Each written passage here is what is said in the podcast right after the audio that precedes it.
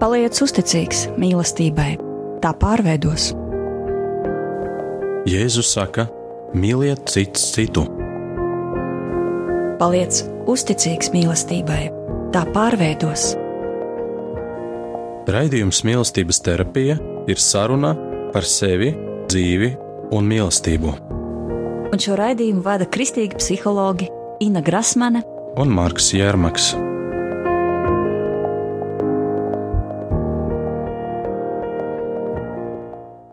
Labvakar, darbie radioklausītāji! Labvakar! Šodien mēs turpinam raidījumu ciklu par laulāto attiecībām un to pārveidošanu un dziedināšanu. Un uh, šīs uh, raidījums būs veltīts konfliktiem laulībā, tādiem konfliktiem, kas izveido attiecības prostu. Man gribētu sākt ar tādām vairākām īsām koncentrētām ilustrācijām par to, kādā veidā mēs piedzīvojam šos attiecības prostus, kādā veidā varbūt es pēdējā laikā esmu saskaries ar šiem piemēriem. Iedomājieties jaunu pāri, kurš uzsākot savu kopdzīvi norisina tādu praktisku jautājumu, kur viņi dzīvos. Jaunā sieva uzstāja, ka viņam jādzīvo pie viņas vecākiem. Ja tur ir mājas, ja tur ir vieta, ja tur ir lauki, jo tā var ietaupīt naudu, jo tā ir zaļāka vide, un uh, viņi izvēlas šo ceļu. Viņas dzīves biedrs šādā vidē zaudē iespēju izbaudīt to, kā tas ir būt saimniekam. Un šim cilvēkam, kurš iespējams nekad to nav piedzīvojis iepriekš, tas aizvien sāp. Un uh, viņu attiecībās lielā mērā nosaka tas, ko saka vai dara sievas vecāki. Vīrietis aiziet un uh, ārstē savu dvēseli ar alkoholu, izvēlas tādu ierastu tradicionālu ceļu daudziem vīriešiem, kuri nejūtas kā saimnieki savās mājās. Tad otra ilustrācija ir par kādu citu pāri, kuri priecājas par bērnu piedzimšanu, un katrs mēģina ieguldīties viņa audzināšanā un, un rūpes par šo puiku, taču ātri vien izrādās, ka abiem vecākiem ir ļoti atšķirīgs priekšstats par to, kā ir jāaudzina bērns. Mātei šķiet, ka tēvs brīžiem ir pārāk bargs, pārāk ass, kritizējošs. Viņai bail, ka viņš ar savu asumu bērnu traumēs. Viņa labi pazīst, kā tas ir būt traumētam bērnam, un viņai ļoti gribas šo savu zēnu pasargāt no līdzīga likteņa, no tā likteņa, ko viņa pati ir piedzīvojusi, izaugot vārdarbīgā vide. Savukārt tēvam ir sava taisnība, un viņš saka, ka māte dēlu lutina, ka viņa neļauj viņam saskarties ar dzīvi tādu, kāda viņa ir, ka viņa audzina cilvēku, kurš nebūs gatavs dzīvei, dzīves izaicinājumiem. Viņas centieni pasargāt bērnu izraisa dusmas, aizvainojumu, vēlmi attālināties. Ja tev nepatīk, dari to viena pati, pēc tam nesūdzies. Vai citā laulībā vīrs, kurš piedzīvo tādus depresīvu noskaņojumu, laikmes vai periodus, kad viņš emocionāli attālinās, viņš nav klātesošs, viņš staigā pa dzīvokli kā ēna, viņš atbild, bet neiesaistās tādā īstā sarunā, un tas turpinās viņam visu dzīvi, un viņš nezina, kas tas ir. Viņam ir grūti pat pamanīt šos brīžus un atzīt tos, bet viņas sievai tas sagādā lielas sāpes, jo viņai tādos brīžos uzbruk Bāžas par to, vai viņš aizvien mani mīl, kas notiek. Varbūt es kaut ko izdarīju nepareizi. Par ko viņš domā tādos brīžos? Viņš nav pieejams. Tas saskaras ar tām sāpēm, ko viņi ir piedzīvojusi savā ģimenē, kur vecāki nebija klātesoši. Vēl viena situācija - pieredzējis pāris jau ilgus gadus kopā, kur Katram ir ļoti dažādas intereses, savādākas intereses. Tie ir cilvēki, kas nāk no dažādām kultūrām, no dažādiem sociāliem slāņiem, ar atšķirīgu izglītības līmeni. Un uh, vīrs ir pieradis atpūsties un pavadīt laiku aktīvi, skaļās kompānijās, sportojot, ceļojot, kaut kur aizbraucot pie radiem, uz pasākumiem. Savukārt sieva spēj atpūsties tikai tad, ja viņi paliek mierā savās mājās, klusumā. Viņas darbs ir parāk trokšņais, ka viņi gribētos vēl nedēļas nogali pavadīt kaut kur tur, kur ir skaļi, kur ir daudz cilvēku. Un uh, viņi ilgus gadus spēj tā nošķirt šo atpūtas pieredzi, un katrs to dara savādāk, bet vienā brīdī viņi konstatē, ka viņi ir ļoti attālinājušies viens no otra, un kad viņi paliek divatā, viņam vairs nav par ko runāt.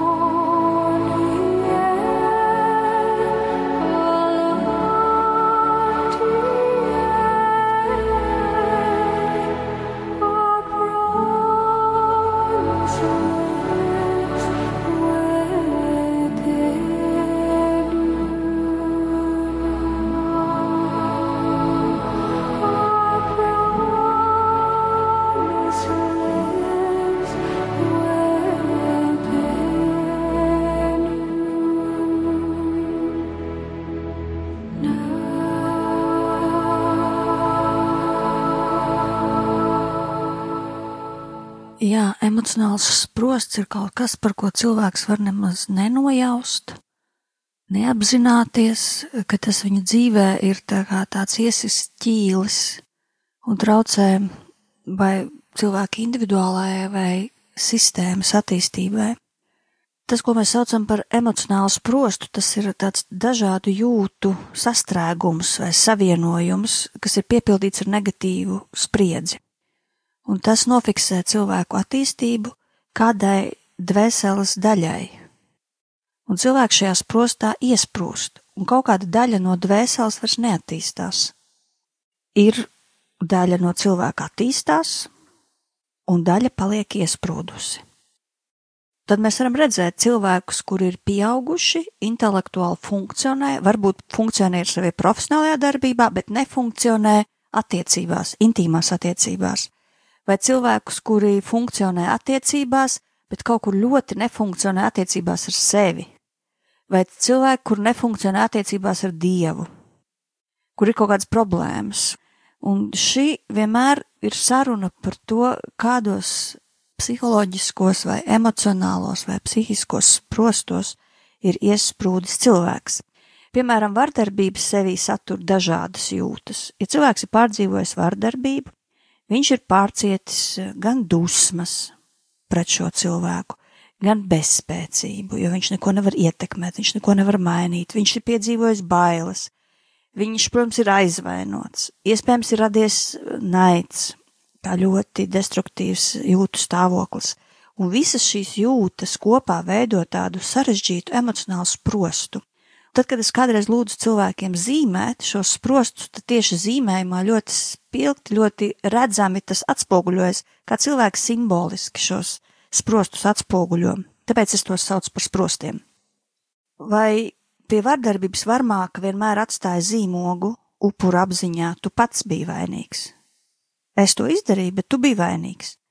Un upurs tam tic, Tātad vēl vainas sajūta pievienojas šai ļoti sarežģītajai jūtu puķetei. Un šādus emocionālus eh, sprostus ir ļoti svarīgi atklāt, jo tie ietekmē cilvēka likteni. Tie veido cilvēku viņa pamata tādās dzīves līnijās. Viņi ietekmē to, kādu partneri cilvēks izvēlās, to, kādas kvalitātes attiecības viņš veido, to, kāda ir viņa dzīves tāda nokrāsa, izvēles. Tad ļoti svarīgas lietas ietekmē šie sprosti. Un šie sprosti ir dziļi neapzināti, viņi ir apziņai noslēpti, un redzamajā daļā mēs redzam tikai to sekas. Tādēļ ir ļoti sarežģīti izskaidrot nu, šos redzamos notikumus, jo neredzamā daļa ir tā kā zem ledus. Un tad, kad mēs runājam par laulību, tad šeit mēs runājam par to, ka satiekas divi sprosti un veido kaut ko vienu lielu tādu sprostu mehānismu.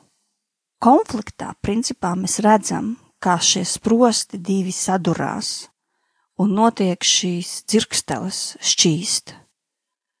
Un galvenokārt ārē mēs redzam tātad šo emocionālo izpausmu, bet mēs neredzam tos dziļos pazemes vai mīnus vai sprostus, kas šos konfliktus ietekmē. Pastāstīšu vēl kādu piemēru. Piemēram, meitenīte dzimstot aizrījās ar ūdeni, tad, kad viņa pavisam kā zīdēns dzimsta. Un bija briesmas, ka viņa varētu nomirst, šis bērns.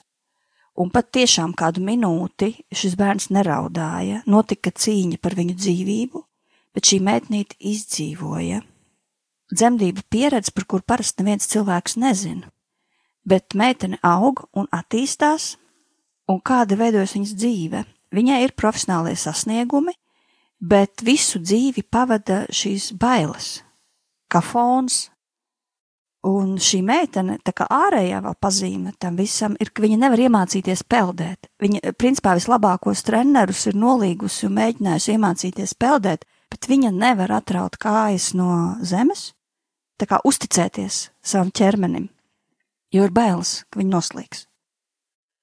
Bet šis cilvēks neapzināti visu laiku meklē šo iespēju iemācīties peldēt, iet vēlreiz un vēlreiz un vēlreiz, tad viņai ir šis dzinuls, ko tad šī meitene ar šo peldēšanu grib atgūt, šo piedzimšanu. Viņa grib piedzimt priekš dzīves, piedzimt ārpus šīs prosta, piedzimt ārpus bailēm.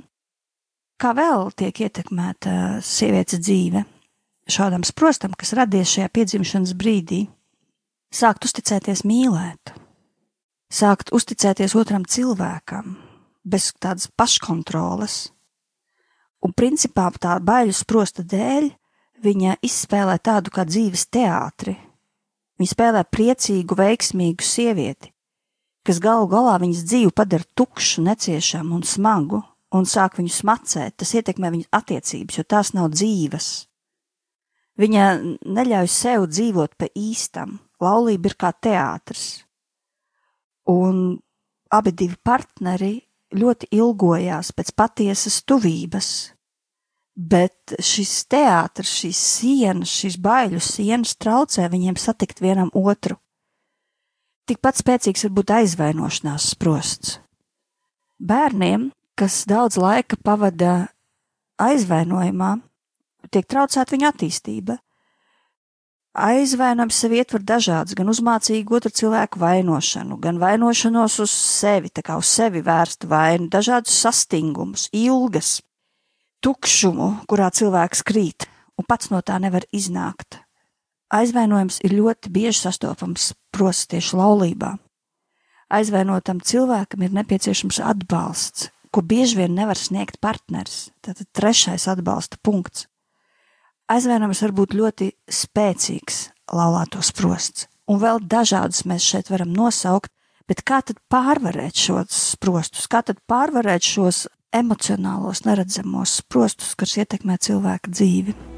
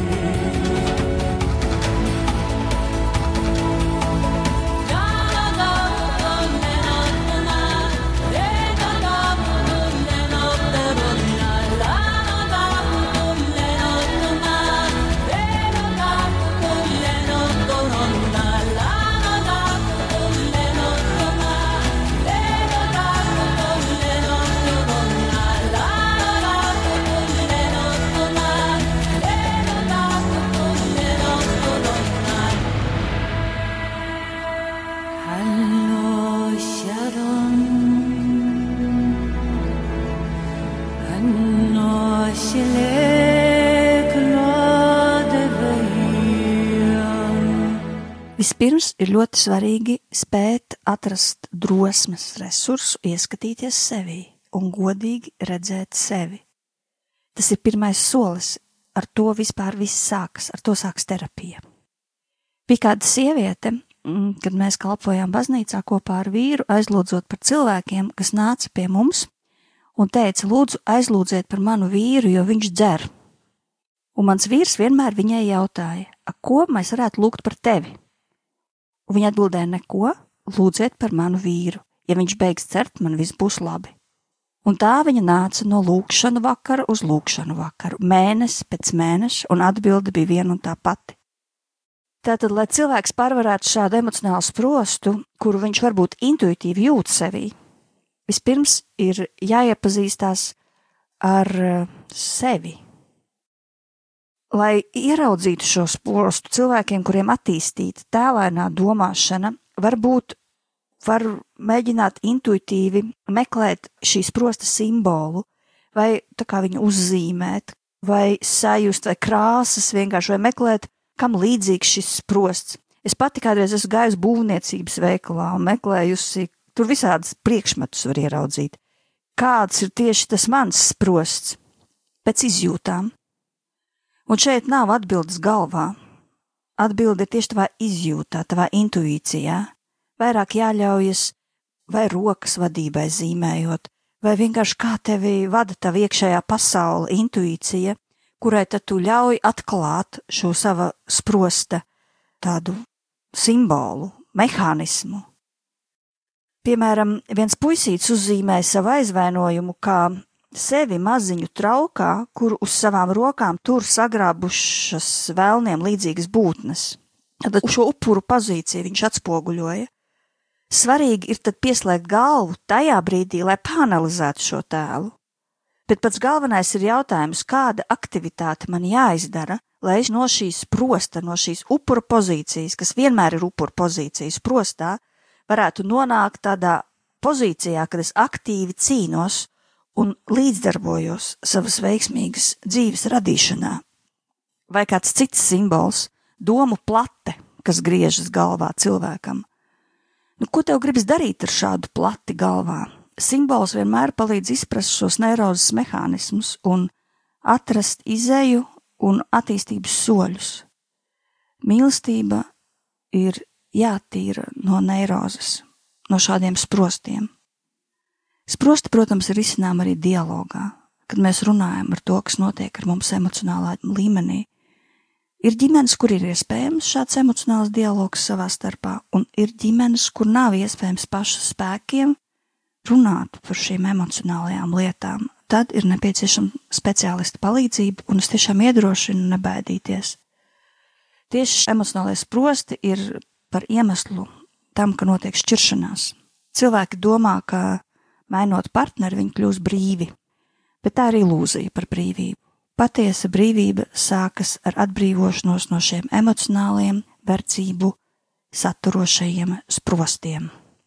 Jā, man kaut kā mani uzrunāja, un man arī gribas kaut kā īpaši pasvitrot šo ideju par to, ka sprostī vienmēr ir divi. Viens ir tas ārējais, kas ir attiecībās, un otrs ir iekšējais. Un tiešām lielā mērā tas, kas notiek terapijā, nu, cilvēkam ir jāiemācās saskatīt to savu iekšējo sprostu, jā.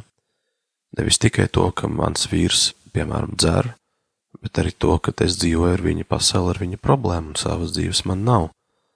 Un uh, ieraugot sevi šo savu iekšējo sprostu, kaut kā jau no tā var palikt vieglāk, jau no tā tā spriedze var mazināties. Un tad arī skaidrs, ko, ko var iesākt ar sevi. Es varbūt vēl pie tādām praktiskām lietām gribu piebilst, ka vienmēr ļoti palīdz izteikt tās savas pretenzijas un to savu plati, vai ne, tās domas, kas tur atkārtojas un cirkulē, izteikt to skaļi.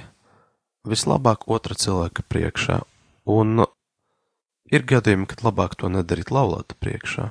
Tas otrs cilvēks var būt kāds cits, varbūt tas ir kāds sakarīgs draugs, kurš māk klausīties, varbūt tas ir garīdznieks, kurš ir atvērts tāda veida sarunai, tas varbūt arī terapeits vai psihologs, bet nav obligāti.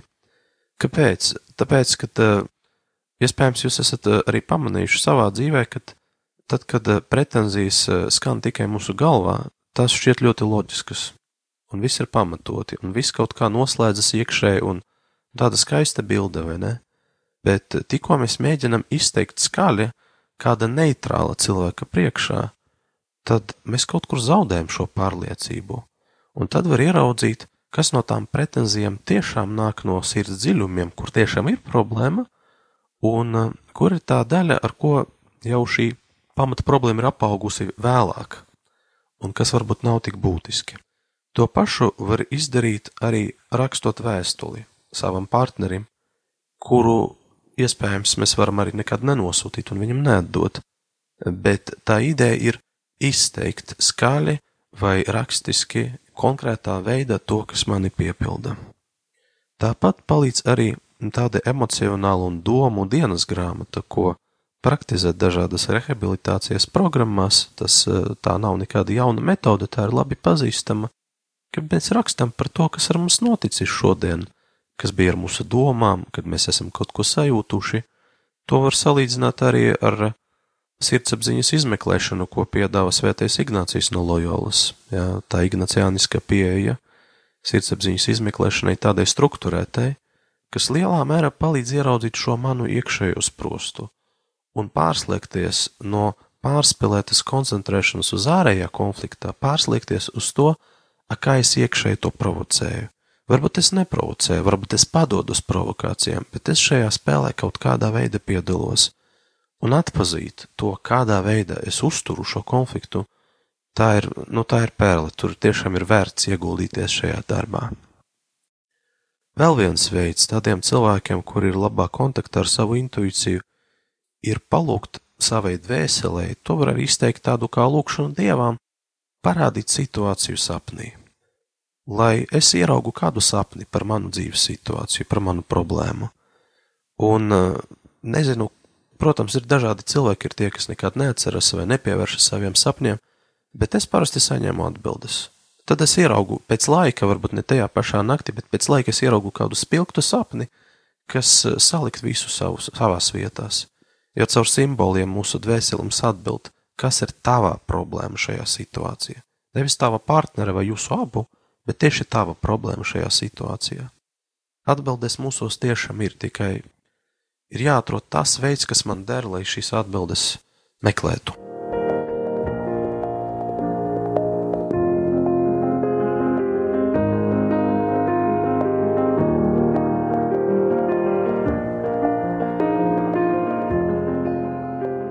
Jā, un sagatavosim savu sirdi šovakar atkal lūkšanai, lai satiktu Dievu tieši kādā no šiem sprostiem.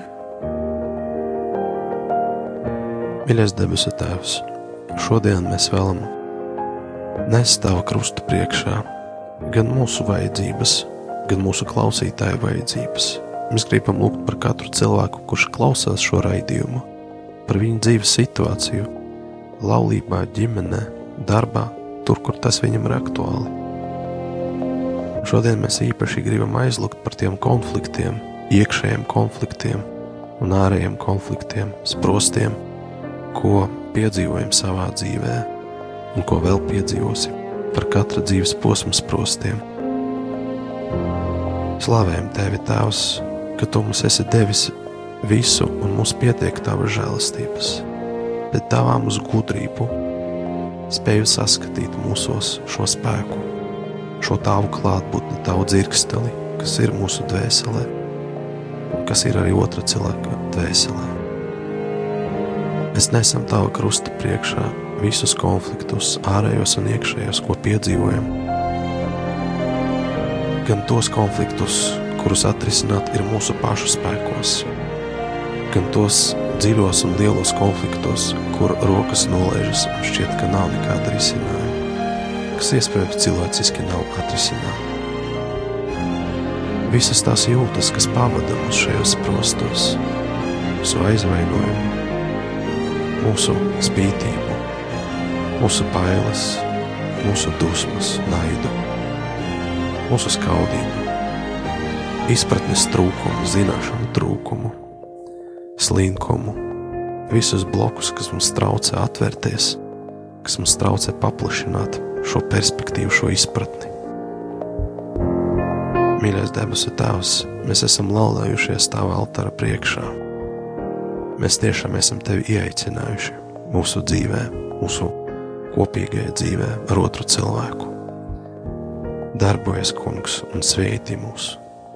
Sveitī mūs ar jaunām idejām, Svētī mūs ar drosmi, svētī mūs ar citu perspektīvu, ko pašlaik nespējam saskatīt, jo esam ļoti ierobežoti. Svētī mūs ar dzīves gudriem cilvēkiem mūsu ceļā, ar labām grāmatām, ar labām lekcijām, ar tādām zināšanām, kas nes svētību un praktisku palīdzību. Un Jēzus vārdā palīdz mums paplašināt mūsu iekšējos un ārējos horizontus lai mēs spējam ieraudzīt to, ko pašlaik neredzam. Jā, un svētītājs eh, katru ceļu, kur laulātē iet ar gaismu, ar svētā gara dāvanām, ar dziļu atbrīvošanu, ar labām sarunām. Svētītājs ar savu klātbūtni, ar jēzu cietinošo klātbūtni, katru ceļu. Vispirms Jēzus svētīja ar vīziju, ar redzējumu, kā šo var pārvarēt, ka šim var iziet cauri, ka tas ir kā tumšs tunelis, kuram tur neredz ne galu, ne malas, bet ja viņi dosies, viņi kaut kad to ieraudzīs. Svētīgums katru ar ticību, kas šodien lūdz par ticības dāvanu, ar ticību un tādu spēku doties neredzamajā, neredzamajā pārveidošanās tunelī, tuksnesī. Svētītājs! katru ģimeni, katru namu, katru pāri, katru bērnu. Svētītājs ar jaunu, drosmīgu, dziļu ceļu. To visu mēs lūdzam Dieva tēva, dēla un svētā gara vārdā. Amen! Jūs klausījāties raidījumu Mīlestības terapija. Raidījuma ieraksti pieejami internetā mīlestības māja.clv un tavā sirds.com.